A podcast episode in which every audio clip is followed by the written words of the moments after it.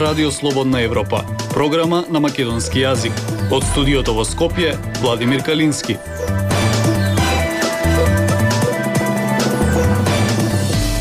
Почитувани гостин во неделното интервју на Радио Слободна Европа е архитектот Мишко Ралев, председател на Асоциацијата на архитекти на Македонија.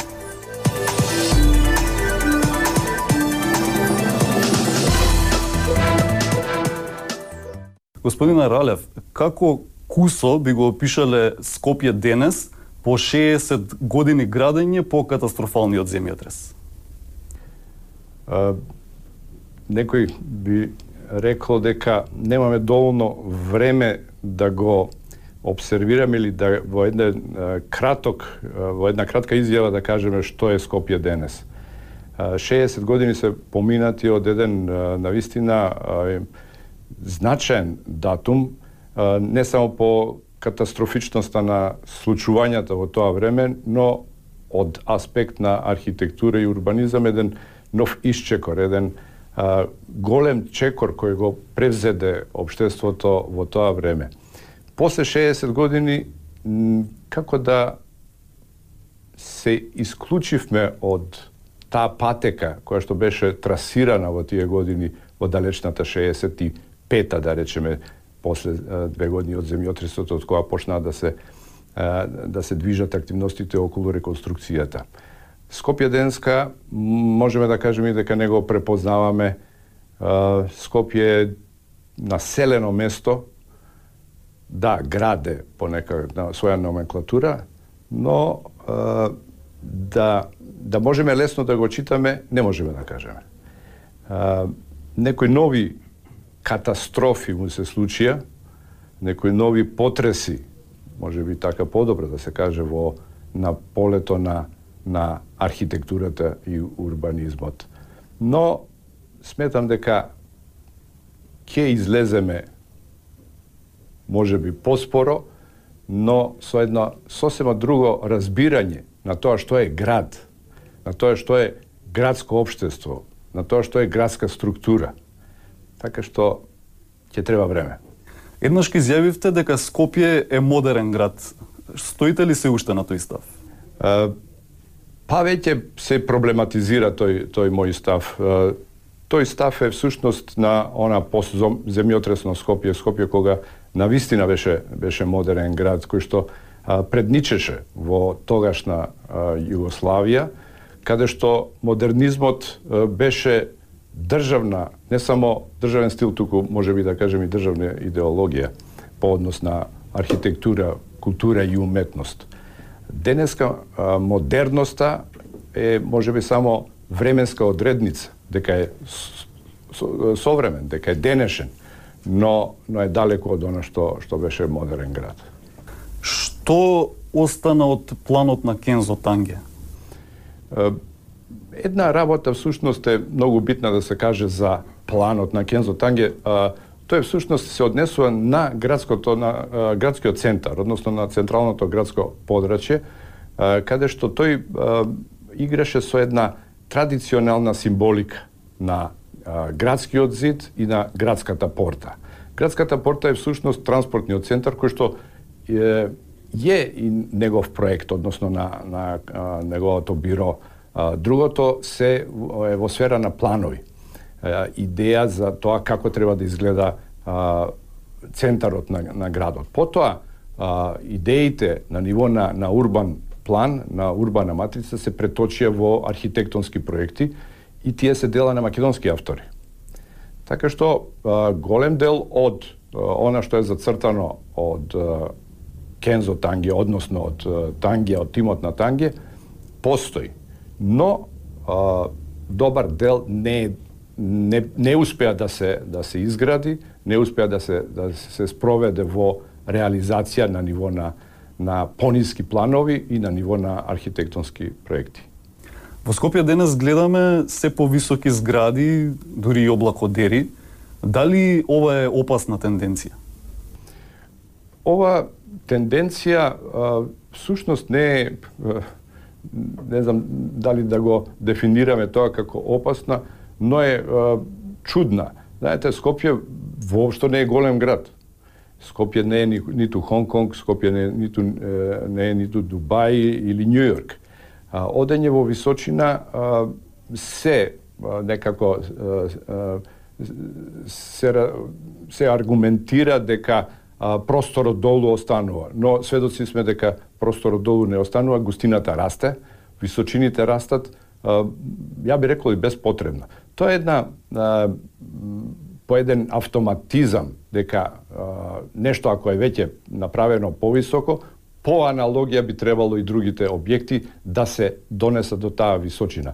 Но ниту е аргументирано зошто се тие толкави височини, ниту а, од друга страна ниту влијае на а, подобрување на, на животот во градот. Сметам дека а, Скопје, она подземјотресно Скопје, Скопје што го знаеме а, во 70-тите и 80-тите години кога се реализира всушност а, плановите, реконструктивните планови преку архитектонската продукција, дојде до една а, максимална кота, која што денеска и два пати ја зголемуваме. А, таа кота одговараше на овој град. Колку сега Скопје е заштитен од катастрофи, од земјотреси, особено во деталните урбанистички планови? Тоа е сега едно горливо прашање кое што цело време се на, се наметнува а, ни за години наназад кога а, сме сведоци на на а, катастрофични земјотресни а, појави во а, во блиска, да речеме во блискиот регион или во, во подалечниот и, и полека се разви таа дискусија колку сме ние сигурни. Од една страна имаме сигурност на самиот објект, која што е неколку пати контролирана и за која што а, велам она што е што е регулирано, она што е а, легално, легална градба, таа е неколку пати проверувана. И тука несомнено е безбедноста и сигурноста а, на највисоко можно ниво. Но зградата сама по себе не нуди 100% сигурност. Треба и просторот, односно а, микро или, или урбаното милје да го понуди да ја понуди таа безбедност затоа што сите велиме дека првата брана од не само од било каква катастрофа е всушно урбанизмот. Урбанизмот кој ќе со своите параметри ќе овозможи за растојание на урушување, за пристапност на интервентни возила, за пристапност на помош. Сето тоа е еден комплекс од, од параметри кои што треба да се задоволат за да кажеме дека градот е безбеден. Дали се согласувате дека се носат планови во Скопје со лажирани податоци, како што неодамна рече председателката на Советот на општина Центар Јана Белчева Андреевска? Јас со сигурност Да, навистина не би можел да, да го кажам тоа, затоа што а, би требало да бидам сведок или би требало да... да а, но а, преку сите овие досегашни разговори, досегашни некакви дебати, јавни дебати, а, доаѓаме до одредени заклучоци дека о, о, одредени информации не кореспондираат со резултатите на плановите, дека нешто е предходно, па па дали е тоа а, дали гупот бил донесен пред или после дупот. Е, е тоа е сигурно дека е, може да резултира во неточност на податоци. Ако преклопувањата на предходните снимања и предходните факти кои што а, се а, приложува за да се изработат деталните планови, па потоа и архитектонските проекти, тие податоци може би временски не се усогласени и тогаш се не се точни. И верувам дека постојат постојат такви а, состојби. Генералниот урбанистички план доцни веќе со месеци. Тоа треба да биде новата визија за Скопје следните години. Има ли визија за Скопје? А, тоа треба да биде нов план. Сега, колку е тоа визија, а, треба да, да се анализира од аспект каква е предходната визија, односно кои се а, почетните параметри а, за визијата за Скопје за да може генералниот урбанистички план да следи одредена визија. Ние до сега не направивме визија каков град треба да биде Скопје, односно каков ние сакаме како граѓани а, да биде Скопје. Визијата не е лична импресија од тоа а, каков фестиски или не знам каков развоен, како какви развојни политики. Но тоа е една интердисциплинарна овај анализа која што предходи на, на изработка на, на генерален урбанистички план. А, а до сега сведоци сме дека ние немаме визија направено и тоа документирана визија која што ќе помине различни филтри од обичниот граѓанин а, преку одредени интердисциплинарни струки кои што се инволвирани во креирањето на, на генералните планови, а, па се до, може би и, не може би, сигурно и некаква интернационализација на, на таа визија а, со искуства од од блиската или подалечната околина. Ве, ве консултираат ли како асоциација на архитекти ви се обратил ли градоначалник, министер или некој друг за консултација? Ба, ба до сега да, да кажеме, ние сме учествувале во некакви а, панел дискусии или во во изработка на нацрти на на а, планска а, законска регулатива, но а, секако во, не, во една наистина а, минорна или или минимална а, да речеме удел во тоа што се се прави додека за Скопје освен тоа што еднаш разговаравме, односно беа гости од Софија каде што се презентираше визијата за Софија која е правена две години, значи која предходеше, бевме на еден овај панел дискусија со градоначалничката во која што веќе тогаш а, спомнав дека ние во следните 10 години било каква, односно ако имаме сега визија или немаме, ние во наредните 10 години ќе ги живееме плановите кои што се донесени во претходниот период, а кои што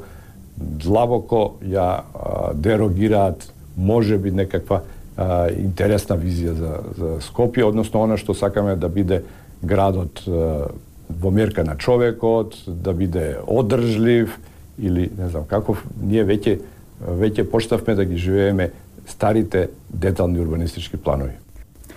Дадовте оставка на партиската функција во СДСМ под притисок на јавноста и опозицијата, но останавте активен. Зошто според вас СДСМ не направи ништо против Скопје 2014, па дури нешто и догради од започнатите згради?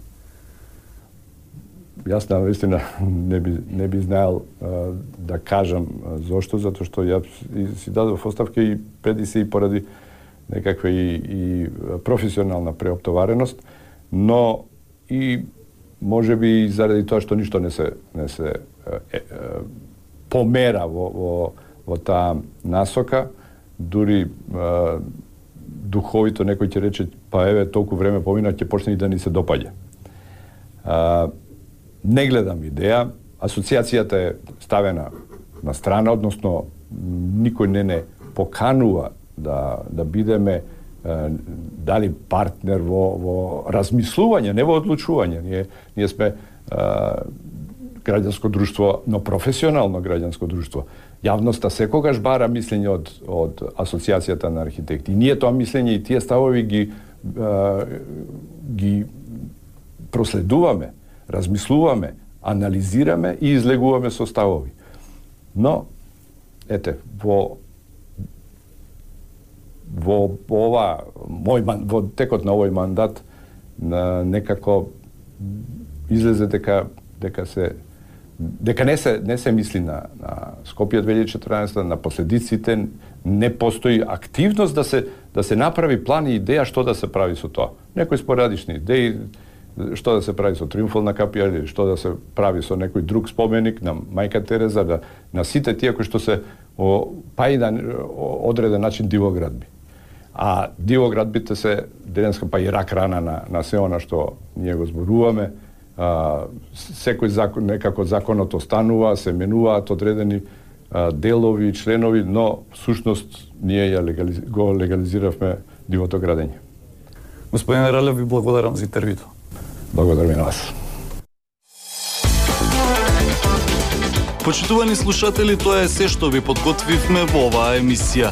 Од студиото во Скопје ве поздравуваат Владимир Калински и Дејан Балаловски.